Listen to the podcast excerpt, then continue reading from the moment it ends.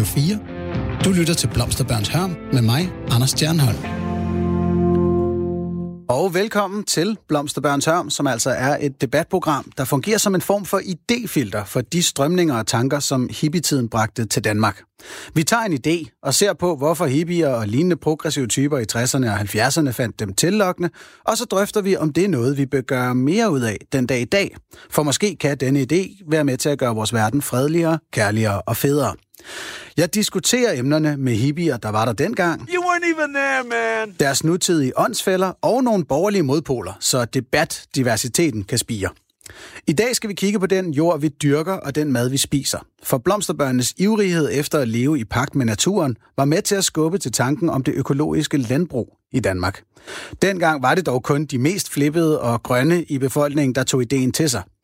Igennem 80'erne og 90'erne, hvor jeg voksede op, hørte de fleste af os ikke meget om økologiske fødevarer. Det er først inden for de seneste 15 år, at økologitanken for alvor har fået fat i danskerne. Efterspørgselen er større end nogensinde. På butikkernes hylder popper flere og flere økovarer op. Faktisk er 13 procent af danskernes fødevareindkøb nu økologisk, hvilket er en verdensrekord. Og økologisk omstilling af landbruget er derfor også blevet et stort politisk emne. Men er de økologiske fødevarer egentlig bedre for os mennesker, kan vi lave nok mad, hvis vi omstiller landbruget til økologi? Og er det bedre for klimaet? Meninger og tal flyver rundt, når det her debatteres. Og i dag bliver næppe en undtagelse. Men det skal ikke holde os fra at gøre forsøget, langhårede drømmere som vi er. Mit navn er Anders Stjernholm, og jeg er jeres vært. Som tidligere folketingskandidat for partiet Alternativet har jeg agiteret for en komplet økologisk omlægning af dansk landbrug, og så godt som alle madvarer i min kurv er efterhånden økologiske. Så er jeg en velorienteret forbruger, der gør min krop og min planet en tjeneste, eller har jeg i min københavnerflippethed misforstået det hele og betaler ekstra for noget, der ikke hjælper en skid? Det vil jeg finde ud af sammen med mine gæster, som er Allan Bornø Clausen, hippie-veteran og øh, økologisk landmand. Velkommen til, Allan. Tak. Eller hippie emeritus øh, er faktisk den titel, vi bruger som oftest her i programmet. Øh, Rikke Lundsgaard, landbrugspolitisk seniorrådgiver hos Danmarks Naturfredningsforening. Velkommen til, Rikke. Tak for det. Og Kirsten Lund Jensen, sektorchef, økologichef undskyld, hos Landbrug og Fødevare. Tak. Velkommen. Og du, der lytter med derude, er naturligvis også velkommen her i rundkredsen. Og du behøver ikke at vente på at få talebamsen. Du kan deltage ved at sende en sms til 1424 med dit input. Skriv R4, lav et mellemrum, og så fortæl os, om du synes, økologi er vejen frem. Radio 4 taler med Danmark. Men lad os starte med at spole tiden tilbage, øh, Allan, og, og finde ud af, hvad var det, der skete dengang økologi kom til Danmark? Fordi du var en af de første. Øh, hvorfor begyndte du, nej lad mig helst spørge, hvornår begyndte du at, at dyrke økologisk landbrug? Altså, jeg, jeg begyndte i midten af 70'erne, men nok øh, tankemæssigt tidligere. Og jeg tror, jeg ser det lidt som et, et udspring af ungdomsoprøret og trang til at gøre noget nyt og gå op imod konventionerne og eksperimentere og finde en bedre verden. Vi så problemer med forurening, og fødevarene blev også sat under diskussion, og forurening i, i maden var, var ved at være et issue dengang. Og, og hvorfor var du der tankemæssigt før Ja, men øh, man skal ikke glemme, jeg også læst nogle år på, på RUK, som var et, et godt øh, rygstød til at, at få tankerne til at blomstre, ikke? og få nye indsigter. Og økologien tog, mig meget, tog jeg mig meget nær, og, og, og fik, øh, hvad skal man sige, noget videnskabelig baggrund der. Så øh, er jeg jo så selv vokset op i landbrug, og, og har haft den baggrund også. Så det var ikke så svært for mig at se, at der var nogle muligheder ved at, at, at gøre noget i praksis også hvor mange af mine, mine øh, medstuderende, de var jo sådan lidt mere til, til diskussioner, og de mest radikale ville jo på barrikaderne og slås og så videre. Vi tog til demonstrationer, jeg var selv med jer til. Men for mig blev det pludselig mere interessant at se, hvad jeg kunne gøre udret hjemme i en, i en lille køkkenhave, hvor vi havde lidt produktion til, til fællesskabet. Jeg startede i et bofællesskab, som så mange andre studerende gjorde dengang. Det var billigt og nemt at komme til. Og der begyndte jeg selv at eksperimentere på sådan et mere øh, sådan, forsøgsplan. Og, og jeg var ikke bange, fordi jeg havde lidt erfaring hjemme fra, fra, fra min egen opvækst som, som, øh, som landmandssøn. Så jeg tog det videre. Faktisk droppede jeg studien efter fire år på RUK og søgte lidt på Landbrug Højskolen, hvor jeg også fik lidt at samle op der. Ikke? Men, øh, men begyndte så at eksperimentere på en lidt større skala på min forældres skov. Og tog også det der bofællesskab, en del af bofællesskabet med. Og det gjorde så, at, at jeg kunne få kombineret det, jeg så havde meget lyst til, det var at, at bruge det gammeldags landbrugs samfundsidéer, hvor man, hvor man var mange på en gård. Ikke så fjern fra det at være fælles om et, et bofællesskab i studietiden. Det kunne jeg så bruge sammen med, med min erfaring inden for landbruget til at, at begynde at være flere om at arbejde med det. Så vi arbejdede med jorden for at se, hvad vi kunne få ud af, at dyrke uden, kemikalier, uden kemikalier, og selvfølgelig med brug af kund, eller hvad hedder det, øh, kompost og blandingskultur, og vi eksperimenterede med grøntsager og korn, og, og dyr fik husdyr med ind i det, og fik begyndt at få nogle af de der næringsstofkredsløb til at fungere. Så jeg var meget hurtigt fanget af, at det kunne lade sig gøre at, at, at producere mad til mennesker på en bedre og mere kvalitetsrigtig måde, efter min mening. Og nu siger du bedre, altså var der ikke også udfordringer omkring det? Absolut. Vi skulle, øh, vi skulle op mod alle de udfordringer, som der er, når man smider sprøjten væk, og, og skal se insekterne begynde at have i rækkerne. Og så fik jeg glæde af min, øh, min anden store interesse, det har været naturen, som, som hele tiden har vejledt mig til at se forskellige interessante, spændende ting, der sker i naturen. For eksempel øh, rovdyr, der æder skadedyr og så videre. Ikke? Og dem har jeg altid været meget fascineret af at se, hvordan øh, de små kredsløb, de fungerer. Ikke? Vente på Mariehøen, til den kommer, i stedet for at fare ud og gøre noget grimt ved, ved lusen, når de sidder i kålen, eller hvor de nu har haft taget fat. Fordi de kommer, hvis vi giver dem tid til det. Mm. Øh, og det bærer sig en hel masse med, som man for eksempel skal gøre forbrugerne interesseret i at forstå, at øh, et kålhoved med, med aftryk af lus eller, eller kålfluer, eller hvad vi er, det er lige så meget en kvalitetsgaranti for, at det, der foregår ude på, på marken, det, det foregår mere reglementeret efter min mening, mere fornuftigt i naturens øh, så du siger, altså når man ser en, en grøntsag på butikshylden med nogle lidt brune pletter eller et eller andet, ja. så er det faktisk en god ting. Altså sådan kan jeg ikke lade være at se det, vel? Det okay. kan være svært at forstå, hvis man sidder inde på fjerde sal og har købt et kålhoved, der så er en, et hul et eller andet sted, ikke? så tænker man måske, ah, det har jeg helst ikke set var der, ikke? Men det bør jeg, det, det, det synes jeg, vi bør acceptere, ikke? Jamen, jeg vil gerne indrømme, at selvom jeg, er lidt, jeg prøver at være en økoflipper, så går jeg lidt i panik, når der stadig er et insekt i min broccoli eller et eller andet. Ja. Men hvad, hvad tænkte folk omkring jer dengang? Altså, hvad tænkte forbrugerne og andre landmænd? Ja, vi var selvfølgelig op mod nogle, øh, nogle bønder i nærheden, som, som løftede øjenbrynene og tænkte, hvad søren sker der nu der? Fordi som vi også husker, så var hippiebevægelsen jo også præget af en vis løslåbenhed, ikke? Så hvis vi nu lå og lugede ude i gulderødderne, der er en, en 4-5 stykker, kvinderne var måske knap så, så velpluksklædte, som man kan se dem i dag, ikke? og det synes jo naboerne var vældig spændende, ikke? når de så samtidig kunne se ukrudtet vokse i kanterne. Ikke? Så bliver det sådan lidt af en attraktion at tage på, på, på tur ned igennem, for, for at man skulle ned og se til sin engel lige pludselig lidt mere, end man plejede. men, men okay, altså, hvis vi lige tager nøgenhed og ukrudt ud af ligningen, hvad med selve jeres dyrkningsmetoder? Ja, den anden ting siger jeg jo selvfølgelig også kun, fordi det var en del af den løsåbenhed, som, som jo var en del af hippiebevægelsen. Ikke? Men det mere seriøse var jo, at vi vil gerne vise øh, forbrugerne, vi kunne lave mad. Også i store mængder. Vi slog os sammen med et par gårde jo, og var i, i 80'erne i stand til at producere, længe før årstiderne, store mængder mad. Altså især grøntsager. Men milprodukterne kom også med. Og, øh, og dermed alle gryn og, og så videre. Ikke? Vi, vi, havde, vi havde held med det, og vi kunne vise, at det kunne lade sig gøre at bringe mad ud til folk i store mængder. Og prøv lige at forklare mig, du siger, at I havde tænkt før sæson, eller hvad? Vi planlagde selvfølgelig i overensstemmelse med, med, med sædskifter og fornuftig øh, anvendelse af gødning og egen produktion af gødning osv., husdyr i, i marker, i sædskifter osv., sammen med grøntsagerne og, og kornafgrøderne.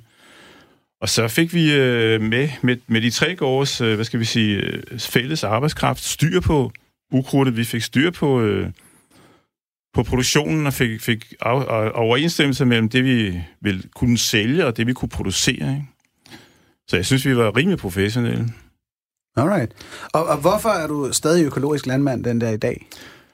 Jamen, det er fordi, der er andre ting, der også interesserer mig, og det er nok det, der har båret mig videre i det. Fordi jeg, jeg fandt jo ud af på et tidspunkt, at de nye udfordringer var, at vi skulle så leve op til supermarkedenes enorme mængder og krav. Du skal jo stille 300 paller i Netto hver morgen, hvis du skal levere gulerødder, ikke? Og det er altså store mængder. Og der, der stod jeg af, fordi jeg havde oplevet storlandbrug i min forældres tid, som, som faktisk var et af de, de første landbrug, som gik ned, fordi min far ikke var hurtig nok til omstillingen. Han havde divers landbrug i 50'erne. Og der, der kunne jeg godt føle, at jeg skulle ikke den vej med stordrift. Fordi det var ligesom det, der blev kravet, at man skulle levere. Og det var ikke bare de mængder, vi leverede, det skulle være endnu større mængder. Ikke? Så i dag hører vi jo om økologiske drifter på bedrifter på, på, på, på tusinder af hektar simpelthen.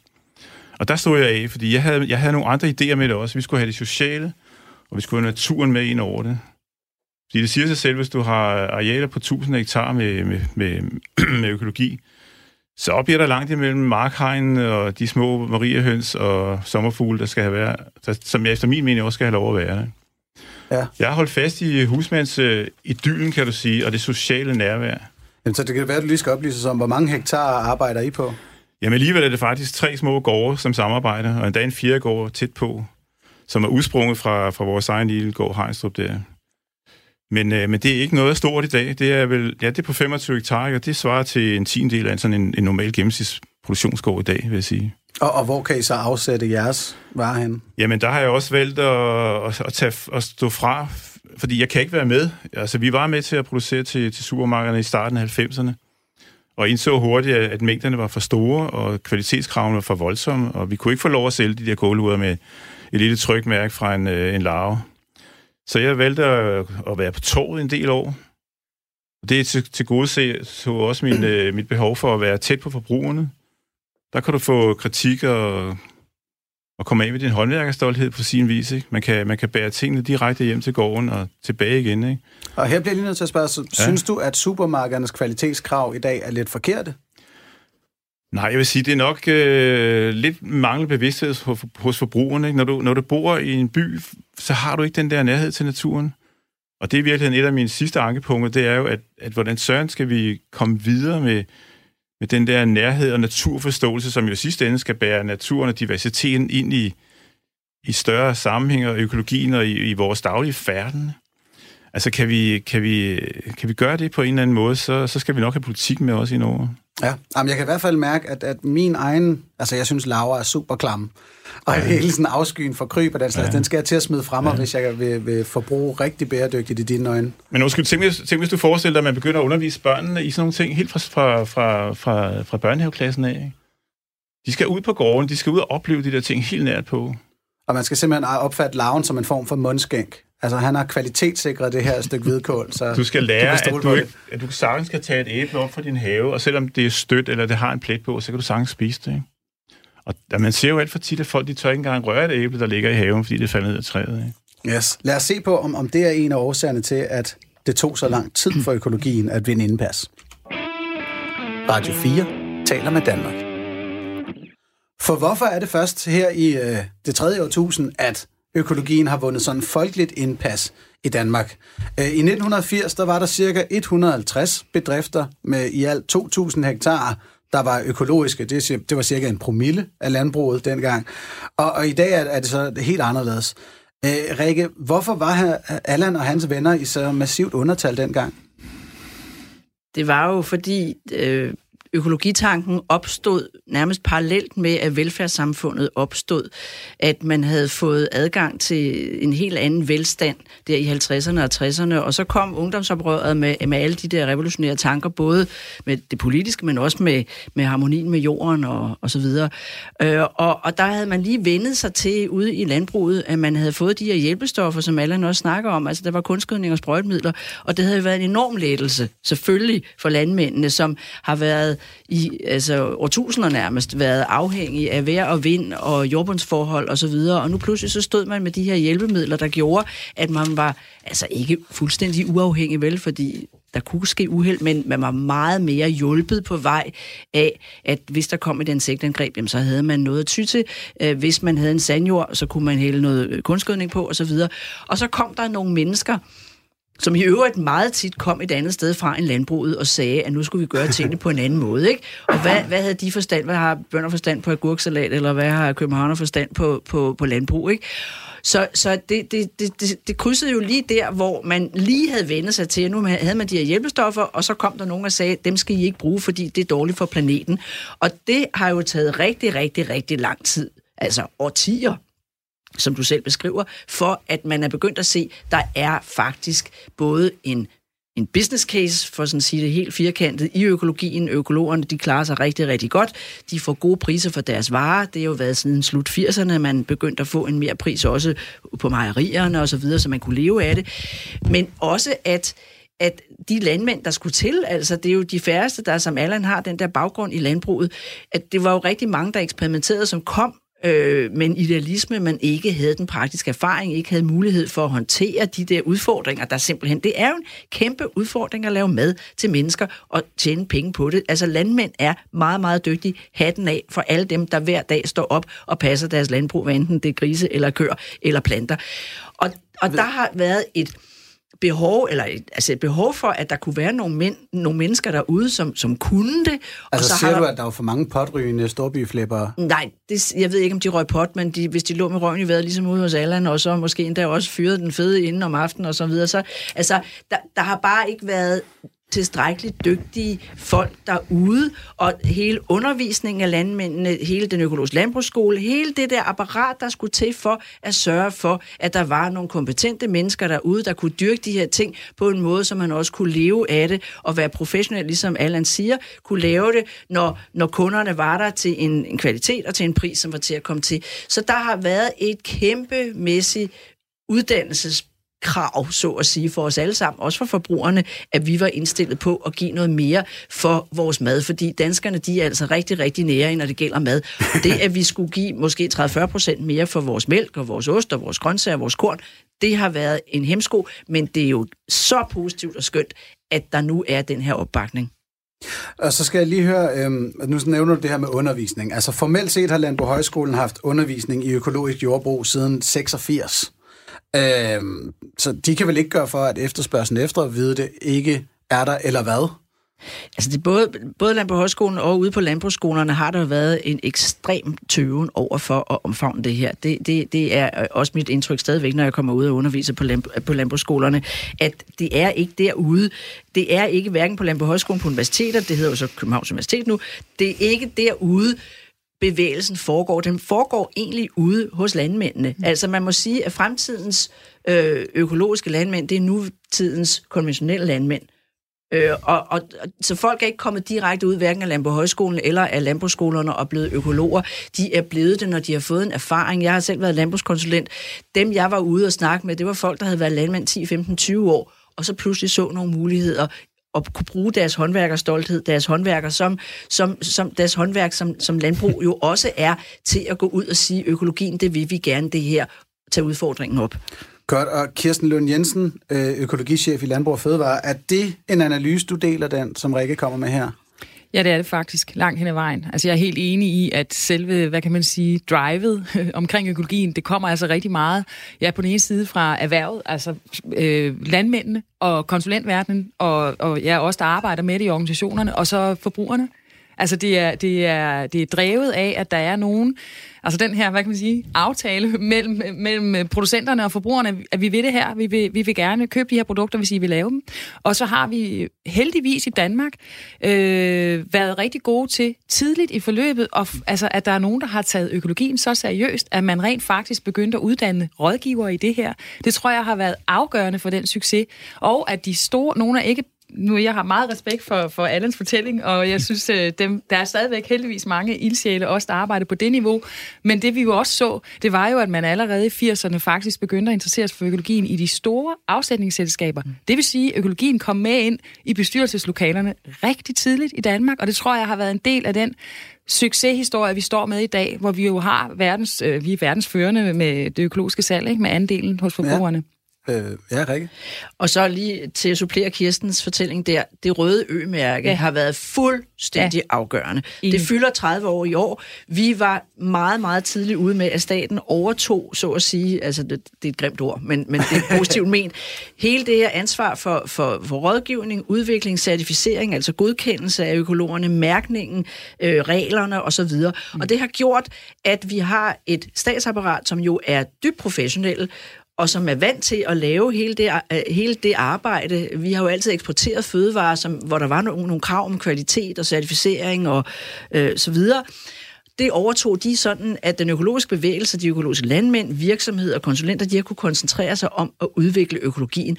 Og det er helt enestående, og det er enestående positivt, fordi det giver os også en force på eksportmarkederne, at det er den danske stat og ikke en privat organisation, der står for godkendelsen. Næsten alle andre lande, der er det private organisationer, og der er en em af noget nepotisme. Det bliver der meget, meget hurtigt, mm. at man, der er nogle vendetjenester og sådan noget. Det her, det er helt klart, det er den danske stat, der står for det, og det er der nogen, der rigtig godt gider at købe, blandt andet kineserne. Og det er jo rigtig hyggeligt og, og hippieagtig god stemning, vi får os, når vi udpeger alle heltene i den her fortælling. Men hvem er så skurkene? Hvem er grunden til, at der alligevel har været øh, en fod på bremsen? Hvorfor hørte lille Andersmand ikke noget om økologi, dengang jeg gik i skole i 90'erne? Hvis jeg skal sige noget, øh, ja. så tror jeg, at vi skal tænke lidt på økonomi. Ja. Vi har et landbrug, som er fixeret i en svær økonomi. Altså, vi skylder, vi skal stadig huske, at dansk landbrug skylder tæt på 400 milliarder. Det kan godt være, at vi har lidt opgangstider, fordi kineserne er sultne på svin i øjeblikket. Men langt hen ad vejen har Danmark været præget af, af et forarmet landbrug, som ikke kunne tjene penge. Men som så er bundet op af kontrakter med banker og afsætningsselskaber, det kan også være kunstgødning, det kan også være kemiskoncerner, som, som, som binder dem op på forskellige løsninger. De har været meget konservative og meget svært bundet i de der forhold, så vi har ikke rigtig kunne løs, løsskrive for, til nye tanker. Og hvad siger I, Rikke og Kirsten? Er det de her økonomiske årsager til det?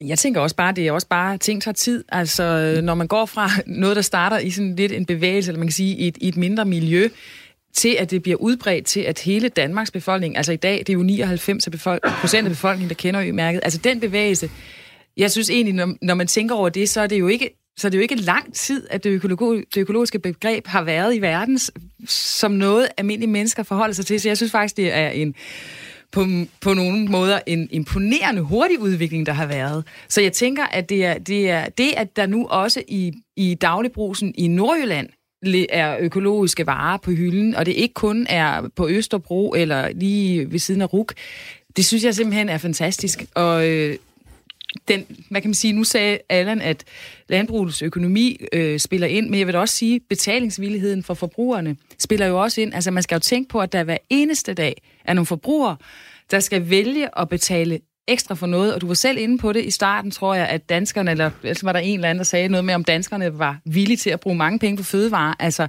vi er jo op imod øh, øh, øh nogle forbrugere, der, der, der godt kan lide at, hvad kan man sige, holde øje med, hvad de giver for mad. Ja. Øh, så, øh, så det, at vi kan få danskerne til frivilligt at betale for noget mere her, jeg synes, det er flot, at vi er over 10 procent mm. i gennemsnit. Rikke, du markerede også. Ja, jeg vil sige, der, der er en skurk, eller der er i hvert fald nogen, der har trukket i håndbremsen, ikke? og det er, øh, det er banker, det er realkredit, det er øh, ejendomsmalere, dem, der har skulle sælge gårdene. Der er nogen, der i mange, mange år, indtil for ganske nylig, har sagt, det her det er forbigående flip. Øh, forbrugerne kommer hurtigt til fornuft igen. Øh, ja, vi kan jo ikke regne med, at folk også om 10 år vil øh, købe økologi. Og hvor man år efter år efter år har vist fra økologisk side, at man kan lave en god forretning ude på sin økologiske bedrift, det har ikke været tilstrækkeligt til at overbevise dem, der har skulle være långivere øh, og kreditgivere osv. Der har været en alt for træ holdning. Det må jeg sige, de har ikke taget deres del af ansvaret for at kunne løfte dansk landbrug ind i noget andet. Godt. Og det var en dejlig hippie-tradition at give skylden til finanssektoren, men øh, vi skal have... Ikke desto mindre er det rigtigt. skal lige dykke ned i sådan selve økologien. Er den god eller ej? Radio 4 taler med Danmark. Og nu skal vi altså til at drøfte, hvorvidt økologi er godt. Og det er en debat med mange tal og meninger, så vi skal prøve at være disciplineret. Men for at gøre tingene endnu mere komplicerede, hiver vi nu fat i endnu en debattør, nemlig øh, bestyrelsesmedlem Peter Kær fra Bæredygtigt Landbrug, som er med os på telefonen fra sin gård på Vestjylland. Velkommen til snakken, Peter. Jo, tak. Tak fordi jeg må være med. Jamen selvfølgelig, og jeg håber, du har, har lyttet med fra starten af og, og fået lidt input fra de andre. Ja, men det har jeg. Det har været spændende at lytte med til. Det er godt. Øhm, nu hvor vi tager den her, er økologi ja, godt, eller er det bedre lige frem end øko- en konventionel landbrug, så lad mig starte med at sige, at vi jeg vil gerne prøve at se, om vi kan dele den her debat op i tre dele, som vi tager en af gangen. Nemlig øh, miljø og natur først, deriblandt kan vi også tage dyrene med. Dernæst menneskelig sundhed, er det bedre for os at spise det? Og så til sidst en, en klimasnak, om det er bedre for klimaet i, i det lange løb. Øh, så for at starte i miljø- og naturenden her. Øh, er økologisk landbrug bedre for miljøet og naturen end konventionelt landbrug? Hvem har lyst til at starte? Det vil jeg gerne, hvis det skulle Så får Rikke lov til at åbne. Altså, det er der jo masser af ting, der viser, at det er. Der er 30 procent mere biodiversitet ude på de økologiske marker. Altså, der er både flere arter og, og flere individer af de arter. Og det er klart, at når man, når man ikke sprøjter, så, øh, så er man jo også mere hensynsfuld over for naturen. Og alene øh, her på det sidste er der kommet et forskningsresultat fra Aarhus Universitet, der viser, at det, at vi bruger øh, Roundup ude på markerne, det betyder, at de vilde planter, de blomstrer mindre, de har en kortere blomstringstid, og de sætter færre frø. Og det betyder selvfølgelig, at der er, det, det går ud over de vilde planter, men det går også ud over insekter og fugle. Så ja, biodiversitet, natur, der er en klar sammenhæng mellem øh, det økologiske og nogle gode bivirkninger eller sideeffekter på det. Så er der servet, og så kan jeg lægge den over til dig, Peter. Hvad tænker du, når du hører de argumenter? Jamen, jeg hører argumentet om, at der er bedre biodiversitet, hvor vi har øh, mere natur.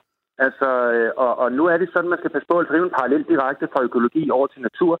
Fordi økologi er jo en produktion af landbrugsfødevarer, lige så vel som øh, det konventionelle vidensbaserede landbrug er. Øh, det er fuldstændig korrekt, at økologisk drift øger den gennemsnitlige artsrigdom med 30 procent, og mængden af de enkelte arter med op til 50 procent. Øh, men det er jo sådan set rigtigt nok på de steder, hvor det giver mening at have økologi, der hvor at naturen den er god til at have de forskellige arter. Det kan jo lige så godt være, at man har økologi et sted, hvor at det ikke giver mening, og hvor det ikke giver den her artsrigdom. Men jeg er fuldstændig enig i, at det kan give en artsrigdom. Øh, regnorme og andre insektgrupper og jordmikrobiel øh, aktivitet er dog ikke spor højere ved, ved økologisk drift, end det er ved øh, konventionelt øh, baseret plantavl. Tværtimod kan man sige, at der er meget mere jordbearbejdning. Så det er ikke sådan en sort-hvid øh, øh, diskussion, man, man kan tage på det område. Men vil du lige Så forklare mig, økologi, øh, bare lige, ja. nu rækker københavneren lige hånden i vejret. Øh, jordbearbejdning, ja. hvad er det for en koncept? Altså jordbearbejdning, det er jo øh, altså, det, man skal gøre forud, at man skal så sin øh, afgrøde, som så skal gro op, og man skal høste. Ikke? Og, og der er det jo sådan, at øh, det vidensbaserede konventionelle landbrug jo kan meget der faktisk. Og der er Roundup jo en del af medspilleren. Roundup bliver jo hele tiden udråbt som om, at det er det store forfærdelige kemi, som, som, som dræber alt fra kraftfremkaldende. Virkeligheden er jo, at Roundup er det mest testede middel overhovedet, det mest testede kemi overhovedet i hele verden.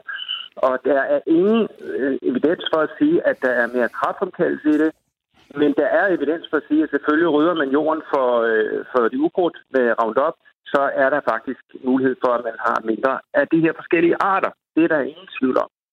Jeg vil så sige, at økologi i mine øjne, fordi nu bliver jeg sådan udråbt, at der skal være en skurk, og der skal være en held. Jeg har stor, stor respekt for den nicheproduktion, som økologi er. Det er en meget vigtig nicheproduktion, og det er virkelig svært at være en dygtig økolog. Og jeg synes, at de professionelle økologer, som gør det og får økonomi ud af det, og har svært ved at gå rundt, de gør det rigtig godt. Det kræver så meget med hensyn til afgrødevalg, sædskifte, sorter og ukrudt og svampesygdom, at det er virkelig svært at, at få det til at køre rundt. Og derfor så synes jeg, at øh, med de lavere udbytter og, og, og meget varierende kvaliteter, man har i, i økologi, jeg synes faktisk, det er noget, man skal prise sig lykkelig for, at vi har den nicheproduktion. Det har bare ikke noget at gøre med, at det det eller konventionelle fødevare, det er to vidt forskellige produktionsformer. Nu er der i hvert fald skudt tilbage med en række forskellige argumenter. Roundup er ikke slemt, og økologi er kun en nicheproduktion, som kræver det helt rigtige geografiske sted at, at dyrke. Øh, hvem har lyst til at tage den? Jamen, jeg synes, øh, det jeg tror, dig, jeg vil godt lige give et indspil i hvert fald, og så tror jeg måske også, der er andre, der har lyst til at kommentere på det. Men øhm, for det første lige den her vending med det vidensbaserede.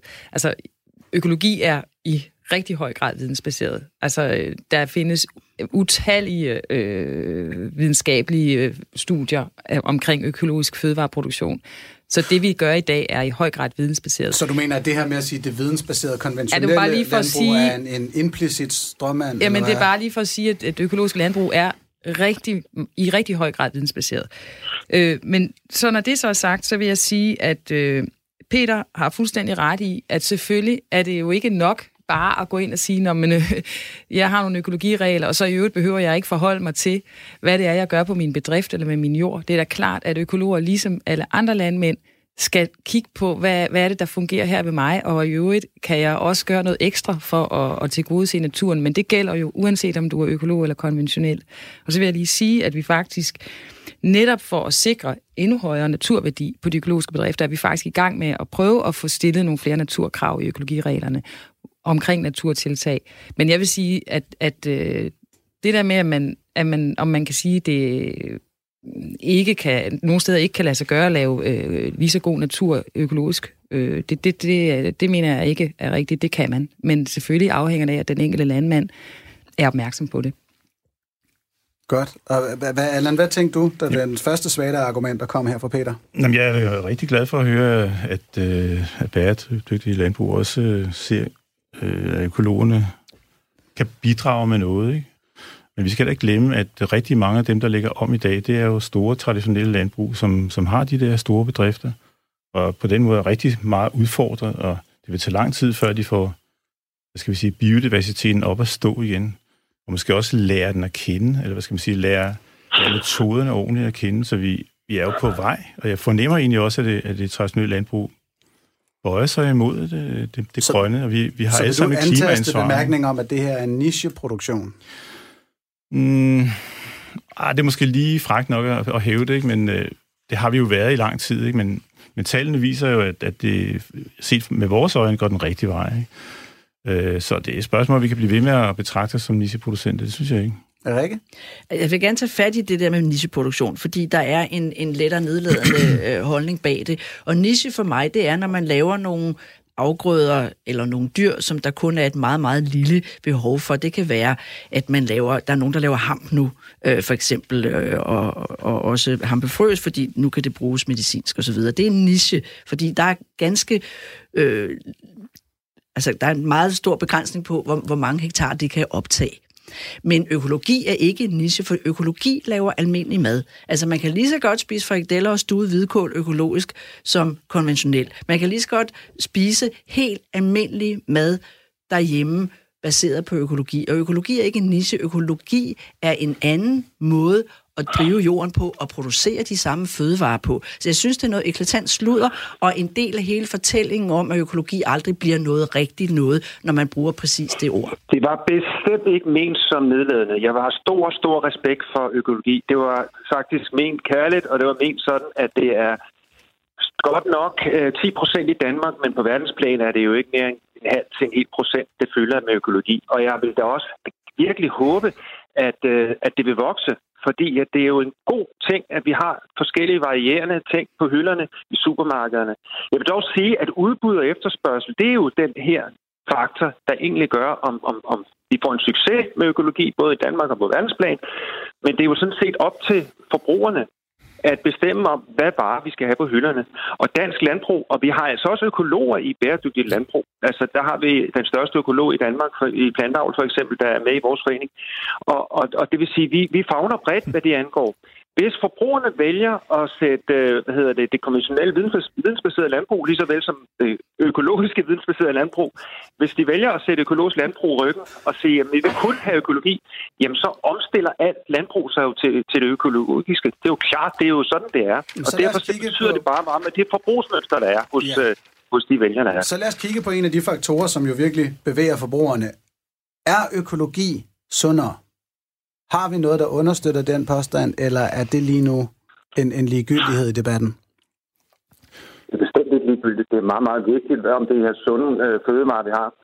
Det, der er undersøgelser på, øh, som jeg i hvert fald er bekendt med, det er, at øh, hvis man snakker dansk produceret fødevarer, så er det ikke evidens for at sige, at øh, dansk produceret øh, konventionelle fødevarer skulle være værre eller bedre end økologiske fødevarer. De er lige så sunde, øh, begge parter. Alright. Hvis vi tager økologien i udlandet, så kan der være en risiko for, at de rent faktisk kommer til Danmark, hvor man mærker, at der er en toxiner i, eller de sprøjter med noget, som man ikke er interesseret i. Men danske fødevarer er de bedste i verden, det er der ingen tvivl om. Rikke, du markerede her. Ja, altså det er jo uden for, for, for vores allesammen sådan rigtig vidensområde, det her mm. med sundhed. Det der er, det er, at sundhed er jo ikke bare fravær af noget. Sundhed er ikke bare fravær af giftstoffer. Sundhed er, at vi spiser en varieret kost, at vi spiser årstidsbaseret, at vi spiser groft, at vi spiser hjemmelavet osv.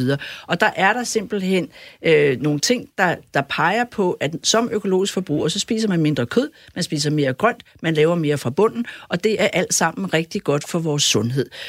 Det kunne man så også gøre konventionelt, men altså blandt andet Coop har lavet nogle analyser af deres forbrugere, hvor de, hvor de meget klart kan påvise, at deres økologiske forbrugere, de spiser mindre kød, og det hænger nok rigtig meget sammen med prisen, men det hænger også sammen med, at når man går ud og lægger så mange penge for sin mad, som man gør som økologisk forbruger, så har man også øh, tænkt sig mere om. Man er måske mere involveret, mere engageret i at spise sundt og varieret. Ja, jeg tror også, jeg må stoppe ja. dig, fordi det er meget afledte effekter og, jo. og, og, og sammenhæng her. Og sådan er det jo med, med rigtig meget af det, vi snakker om. Når vi snakker om jord og mennesker øh, og, og, og mad, så er der så er det komplekst. Der er yes. ikke en lige sammenhæng. Men lad mig hellere så prøve at skifte debatten videre til noget, som er meget mere konkret, nemlig øh, klimaet. Er den økologiske dyrkning bedre for vores klima, eller hvad? Ja, det vil jeg jo gerne byde ind øh, du får lov til at starte med. Ja, tak, tak. Altså, det er jo der, hvor jeg synes, at, øh, at det økologiske system det har et kæmpe stort problem. Øh, der er netop kommet nogle undersøgelser om det, og jeg har fra Københavns Universitet fået nogle konklusioner, der siger, at produktionen af både afgrøder og husdyr falder med ca. 40 procent ved omstilling til økologi. Det er fordi, det giver mindre udbytter, og det giver flere efterafgrøder. Øh, producerer man og importerer man de 40 procent afgrøder, man mangler efter omstilling til økologi i udlandet, stiger klimabelastningen på økologisk jordbrug til ca. 160 procent af det konventionelle. Og det, er, det synes jeg er en problemstilling, og det er jo klart, det er jo noget af det, man, jo tage, man virkelig skal tage fat i, hvis man skal have ligesom det hele med i den økologiske produktion, nemlig klimaet. Godt. Kirsten Lund Jensen fra Landbrug Fødevare, du markerede her. Ja, men jeg synes, det, man skal huske på, at, at øh, at det er klart, at man jo øh, altid indretter så, sådan, så tingene giver bedst mening, og i den økologiske produktion, der er der altså en anden afgrødesammensætning, end der er i den konventionelle. Så man kan ikke bare tage sådan et regnestykke og sige, jamen fordi at en eller anden hvedemark giver 40 procent mindre, eller et eller andet afgrøde, jamen så, så ganger vi det op på hele den økologiske produktion, og så laver vi så sådan et regnestykke der. Fordi det, man gør i økologien, er jo, at man vælger nogle afgrøder, hvor man får mere ud af det i det øh, dyrkningssystem. Blandt andet har man meget mere kløvergræs, øh, relativt set den økologiske produktion. Og der har man jo ikke de her udbyttenedgange, og der har man jo øvrigt en højere kulstofbinding. Så alle de her tilpasningsmekanismer, som der naturligvis er i sådan et øh, dynamisk system, de gør jo, at de der tal kan man ikke bare sådan gang op på hele verden. Så ser du, vi måler på de forkerte ting? Ja, det vil jeg mene, vi gør her. Øh, og øh, der er nogle effekter, Altså, der er noget, noget omkring land use change, som vi alle sammen bliver udfordret af, men det er uanset, om man er økologisk fødevareproducent eller konventionel fødevareproducent, så er det jo en udfordring, vi skal, vi skal løfte i fællesskab hele vejen rundt. Og øh, jeg har i hvert fald været til en øh, konference for nylig, hvor Concito var citeret for at sige, at det med, om det er økologi eller konventionel, det har langt mindre betydning end den øh, sammensætning af kosten, som verdens befolkning spiser. Så, så, så vi skal flytte fokus et andet sted hen, hvis vi skal løse klimaproblemet. Og det, det tror jeg også, vi, vi kan blive enige om, at, at kød kontra plantebaseret kost er, er den lidt større debat her. Men hvis vi kigger på økologi kontra konventionel landbrug, øh, øh, Rikke Lundsgaard fra Danmarks Naturfredningsforening, I anbefaler en omlægning til økologi. Øh, kan I frygte, at det vil have et problem i forhold til vores klimabelastning? Nej, overhovedet ikke. Altså, vi er helt sikre på, at det vil være rigtig godt. Altså, det, som, som vi bliver nødt til at huske, det er, at 80 procent af det danske landbrugsareal, det går til foder til vores husdyr. Her er en meget, meget, meget stor kornproduktion. Derudover importerer vi soja fra 600.000 hektar primært i Latinamerika, og primært til vores svineproduktion. Så hver gang du spiser en økologisk eller en konventionel svinekotelet, så spiser du et stykke af Amazonas, for at sige det sådan bare meget, meget firkantet. Hvis vi skal have et økologisk jordbrug hele vejen rundt, så skal vi, som Kirsten siger, så skal vi væk fra at have så meget korn og over i at have en masse mere græs. Det vil i sig selv alene give positive klimaeffekter. Det handler om, at vi skal dyrke nogle andre afgrøder. Vi skal væk fra det kornbaserede og over til det græsdominerede igen, som vi havde før i tiden, før vi havde kunstgødning og sprøjtegift. Og det er en stor, stor udfordring, og jeg ved ikke... Kan jeg skal lige forstå her, fordi jeg kan ikke lide græs. Nej. Hvem skal æde det? Det skal vores køer, som de gør i forvejen, men så skal vi også hente protein ud af det her græs. Der er heldigvis i de sidste fem år blevet udviklet teknologi, som nu bliver brød full scale ude på bedrifter, hvor du kan simpelthen hente de værdifulde proteiner ud af græsset og give det også til høns.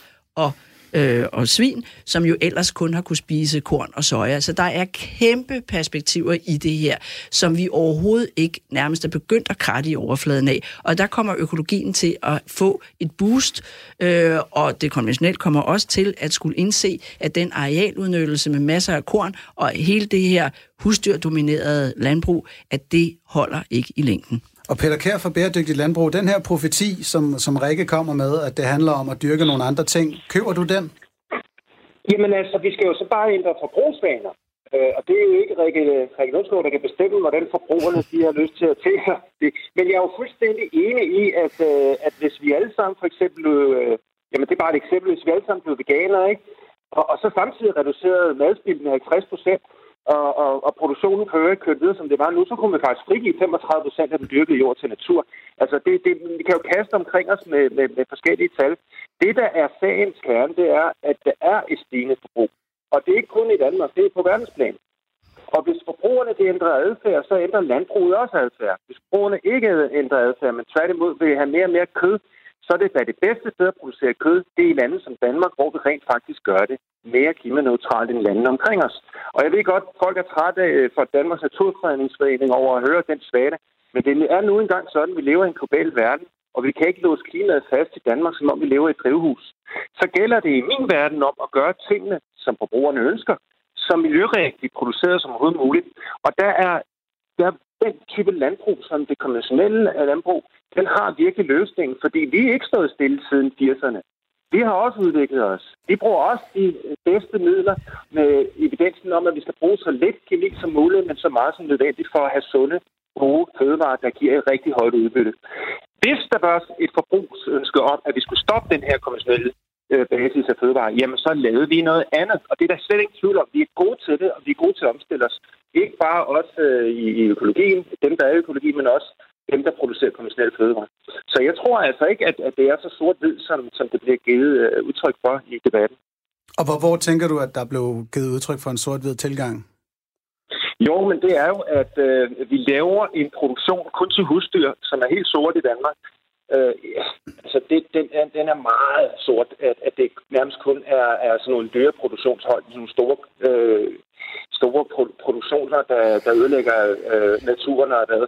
Kulstofbinding, som er meget vigtigt for, øh, for hvad hedder det, klimaet i fremtiden, den har vi virkelig nogle gode ting, vi kan byde ind med i det konventionelle landbrug. Den er, den, og det er noget af det, der bliver forsket allermest i. Vi er faktisk ved at ændre vores øh, måde at dyrke jorden på i, i omstilling, som øh, vi går væk fra ploven til at lave mere reduceret jordbehandling. Det her skal jeg lige forstå. Og så videre.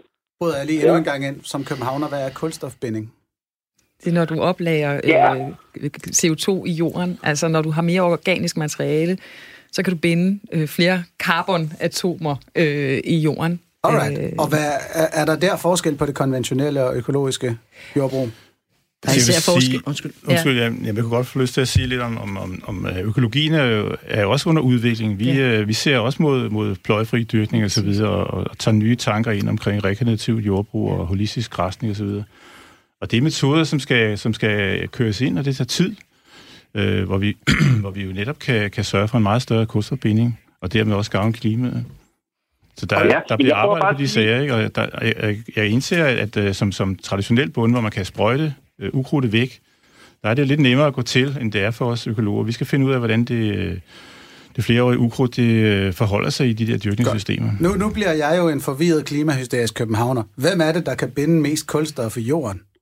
Lige nu siger Allan, at, at det kan I økologer, og Peter, jeg formoder, du får, mener det er anderledes. men så vil jeg Ja, godt... det, det vil jeg sige. En, en god dansk velproduceret hvedemark, den kan, den kan sådan plante, den kan rent faktisk oplade op til 16 tons CO2 per hektar. Og det, det, det har økologerne altså siddet der hamlet ud. Nu går der bilkort i den. 16 ton CO2 per hektar. Rikke Lundsgaard fra Danmarks Naturfredningsforening. Jeg vil sige, at det afhænger primært af afgrøderne. Ja, det er simpelthen de afgrøder, vi har ude i markerne, der afgør, hvor meget kulstof, der bliver bundet, og hvor meget klimaeffekt og gevinst, man kan hente i sit landbrug. Det er ikke, det er ikke om det er konventionelt eller økologisk. Det, der, det vi så får oveni med det økologiske, det er, at vi ikke sprøjter. Og der, hvor man uanset om man kan bevise det eller ej, så må jeg sige, at det, at vi systematisk sprøjter øh, over halvdelen af Danmarks areal øh, adskillige gange hvert år, det byder mig så meget imod, sådan helt personligt. Og det er altså uanset, om man kan bevise det eller ej. Og det, det, det, det synes jeg er meget foruroligende, nemlig at man ikke skal kunne bevise det. Og så er vi henne i den her diskussion om Roundup og gluko- glykosulfat. Glyfosat. Tak. og, og andre sprøjtemidler. Øhm, så længe vi ikke ved, om det er et problem, hvad, hvad skal vi så gøre ved det, øh, Kirsten? Jamen, jeg synes, vi skal lade forbrugerne tage deres valg, og det er jo det, vi gør ved netop at have øh, en økologisk produktion i Danmark også. Altså, øh, og og øh, vi kan se, når vi spørger forbrugerne om, hvorfor de køber økologisk, så gør de det jo i høj grad, øh, fordi de gerne vil dels selv indtage fødevarer med, med lavere risiko for uønskede stoffer, og der vil jeg så skynde mig at sige, at jeg er enig med Peter i, at alle danske fødevarer er sunde, og de er velkontrolleret. Men der er nogen, der har et forsigtighedsprincip, og det er faktisk både i forbruget, og det er også i produktionen. Økologiens, et af økologiens principper er forsigtighedsprincippet, og det vil sige, man går et skridt længere, for lige at fylde op på det, Rikke også siger, altså at man også selvom det ikke kan bevises, har man nogle hold, en holdning til, hvordan man ønsker at producere, og hvordan man ønsker, at ens fødevare skal, være, skal være produceret. Ikke? Yes. Og det, det, det, det er bare en af de vigtige driver for det økologiske salg. Øh, men det er jo derfor også, at som Peter også siger, jamen det er i virkeligheden forbrugerne, der stemmer med deres øh, indkøbskurve. Godt, og en af de ting, som forbrugerne er begyndt at gå meget op i, det er spørgsmålet om, om arealer. Øh, vi har fået en sms ind, der siger, at det kræver større arealer med økologi, og det hænger ikke sammen, hvis man samtidig vil, vil nedlægge for eksempel 30 procent af vores landbrugsarealer. Det er en af dine kæphester, Rikke. Ja, det er det, fordi en af de, et af de argumenter mod økologien, der rigtig er kommet op det sidste år, det er, ja, som også Peter siger, jamen udbytterne er lavere, og derfor må vi ergo øh, dyrke noget mere jord, hvis vi skal lave den samme mængde mad til den samme antal mennesker. Det har vi så undersøgt, fordi jeg var sikker på, at det ikke var rigtigt.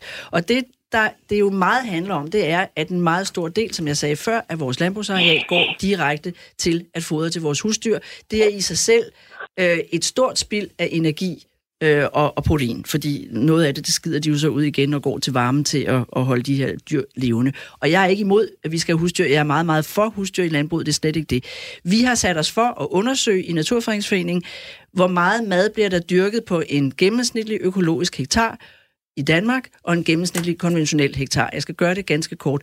Vi har bevist, også i samarbejde med Aarhus Universitet, at der bliver produceret lige så meget mad i form af kalorier og proteiner på en økologisk hektar, som der gør på en konventionel i Danmark, som det bliver dyrket nu. Fordi der bliver produceret mere mad direkte til mennesker i form af grøntsager, frugt og korn og øh, grøn, og at der så bliver produceret langt, langt færre svin. Så når man opgør antallet af proteiner, eller mængden af proteiner, og mængden af kalorier produceret per hektar, så er økologerne lige så konkurrencedygtige og produktive. Men det er så, fordi det er mindre kødbaseret og mere plantebaseret?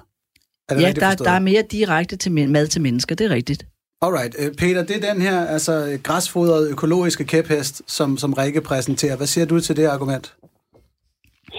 Ja, hvad skal jeg sige? Det er nu engang sådan, at det er, som det er med, med det forbrugsmønster, der er.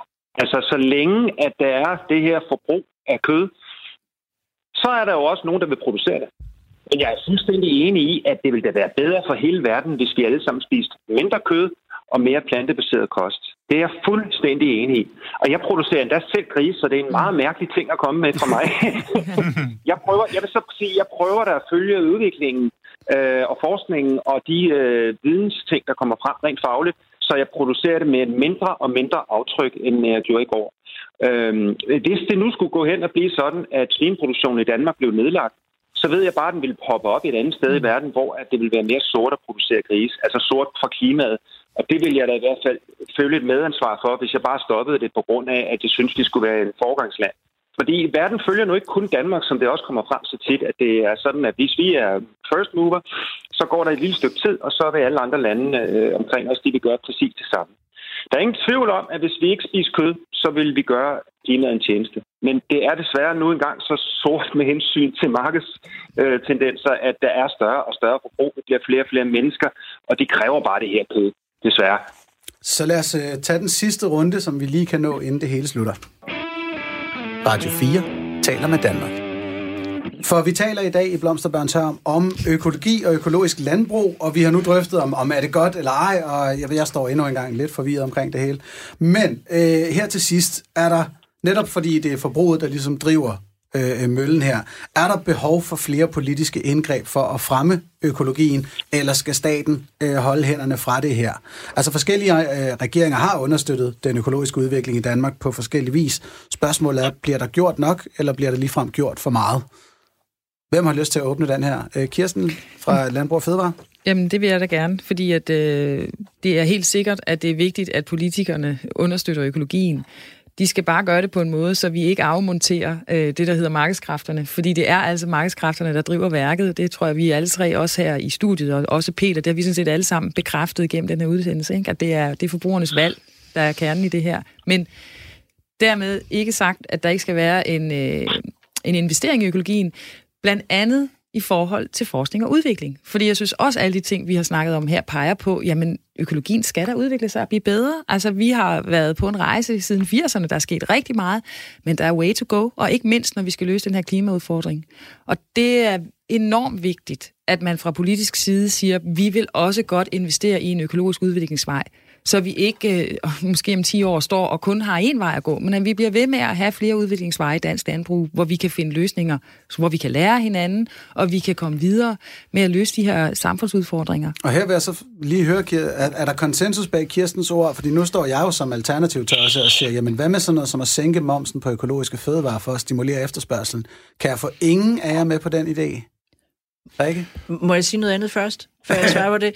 At, at øh, det, som jeg tænker er det vigtigste, øh, ud over det, som Kirsten siger med forskning og udvikling, det er, at økologien også bliver integreret i højere grad i andre politikker, altså i miljøpolitik, i undervisningspolitik, i alle mulige andre politikker, fordi det trækker også nogle andre i klimapolitikken, at det ikke bare ligger hos fødevareministeren. Men så er det jo, at staten går ind og stimulerer også Jamen, en efterspørgsel. Ja, og også integrerer økologien, altså så siger, vi, vi har for eksempel nogle mål om kvælstofudvaskning der kan økologien også bidrage, også fordi der er alt det her græs, hvor der er en mindre udvaskning, at man i højere grad tænker økologien ind i de ting, vi i øvrigt gerne vil på miljø, natur, klima Men så, øh, så er det, det får mig til at tænke, hvorfor så ikke tage den hurtige smutvej og gøre de økologiske varer billigere ved at sænke momsen på dem, så sådan at øh, forbrugerne efterspørger dem, og så er der pludselig penge til al den her forskning og udvikling. Det skulle du snakke med skatministeren om, fordi i Danmark, der vil man ikke rykke ved det her med at have differentieret moms. Vi har prøvet Men det. du vi vil meget gerne. Vi har snakket med, med adskillige skatministre om det, men de, får helt, øh, de bliver helt fjerde i blikket. For det gør vi ikke i Danmark. Nå, okay. Så, så der er ikke konsensus for det her med ikke at pille ved for eksempel sådan noget som, som momsen. Øhm, hvad kunne I så ellers gerne have, tænkt jer, at, at staten gik ind og gjorde? Peter, hvis du skal spyde ind her, hvad, hvad synes du, der skulle ske? Jeg synes i hvert fald, allerførst, så skal man sætte det store spørgsmålstegn op. Hvor får vi allermest for pengene? Hvor får vi mest klima for pengene? Hvor får vi mest biodiversitet for pengene? Og så lad det være åbent, om det er økologi, der har løsningen, om det er konventionel landbrug, der har løsningen, conservation agriculture, altså reduceret jordbehandling, eller mange andre ting. Jeg tror ikke, at om få år, så tror jeg slet ikke, man snakker om økologi som det gode, og det kommercielle som det dårlige. Så tror jeg, at man har forsket, og man har investeret så meget i viden om det, at man vælger det, som giver bedst på de forskellige parametre. Og jeg er stik modsat, stik modsat af, at man skal, kan man sige, støtte en produktionsgren frem for en anden, når ikke det er på viden og på forskerniveau sat helt fast, at det er det eneste rigtige. Så kører man på følelser, og følelser har man alt for mange regimer set, og det er ikke noget, der, der har noget godt med sig. Okay. Man må også huske på, at når det er cirka 90 procent af alle fødevarer i Danmark, der bliver produceret konventionelt, hvorfor man så mest for pengene ved at satse på forskning? i det økologiske eller konventionelle? Jeg spørger yes. bare. Jeg, st- jeg stopper lige en gang, Peter, for nu sker der det, som en hver debat hvert hader, nemlig at der virkelig oh. bliver lagt op til debat med to minutter igen. Ja. Øh, undskyld. det gør sgu ikke noget. Øh, Rikke Lundskov fra, fra Danmarks Naturfredningsforening. Er det bare på følelser, det her, I baserer jeres økologifaneri? Ja, jeg er helt enig med Kirsten. Det her det er totalt vidensbaseret. For at være en dygtig økologisk landmand, så skal man delen edme have styr på sin viden, styr på sin landbrugshåndværk, styr på det hele. Altså ellers så sad Allan her ikke 40 år efter, eller 45 år efter. Altså, så var han gået ned med mus og mænd for længe siden. Det er så vidensbaseret. Du skal faktisk være en bedre håndværker og have mere styr på dine virkemidler som økolog, end som konventionel. Så det, og, og i øvrigt så går der jo oceaner af penge til forskning inden for det konventionelle. Så det er jo altså det er, sådan som jeg, men det kan Kirsten bekræfte, så har det faktisk været skævt øh, i, i, i det konventionelle favør, de penge, der er gået til forskning i årenes løb. Er det, skævt, de forskningsmidler, vi afsætter? Rigtig mange af de penge, der bliver brugt til fødevareforskning, kommer både økologisk og konventionel produktion til gode. Altså det er jo generelle resultater, der kommer frem, som vi alle sammen har glæde af. Er der Men- balance i det? der er balance i det, hvis vi har en målrettet økologiforskning ved siden af. For der er bare nogle af de problemer, der skal løses i økologien, som ikke er fælles eje med resten af vejret. For eksempel fordi man ikke har dyr udenfor. For eksempel fordi man ikke må bruge det, der hedder kunstige aminosyre i fodret osv. osv. Så vi har nogle særlige udfordringer i økologien, der skal løses, og derfor skal man blive ved med at investere i forskning og udvikling specifikt af den økologiske produktionsform. Men det er jo ikke det samme som, at man ikke skal investere i forskning og udvikling af andre produktionsformer. Der er jeg helt enig med Peter. Vi skal have det hele med. Alright. Jeg er bange for, at det er nødt til at være det sidste ord i den her debat, og det er typisk det her med, at man næsten har lagt flere spørgsmål ud, end, end fået svar ind. Øh, men tusind tak til mine gæster, Allan Bornø Clausen, hippie emeritus og økologisk landmand, Rikke Lundsgaard fra Danmarks Naturfredningsforening, og øh, Kirsten Lund Jensen fra Landbrug og Fødevare, og med på telefonen ude fra Vestjylland, Peter Kær, bestyrelsesmedlem i Bæredygtigt Landbrug. Mit navn er Anders Stjernholm, og i redaktionen er Bjarke Stenter og Rasmus Søgaard Thomsen. Musikken er leveret af Jakob Mot, og jeg håber, vi lyttes ved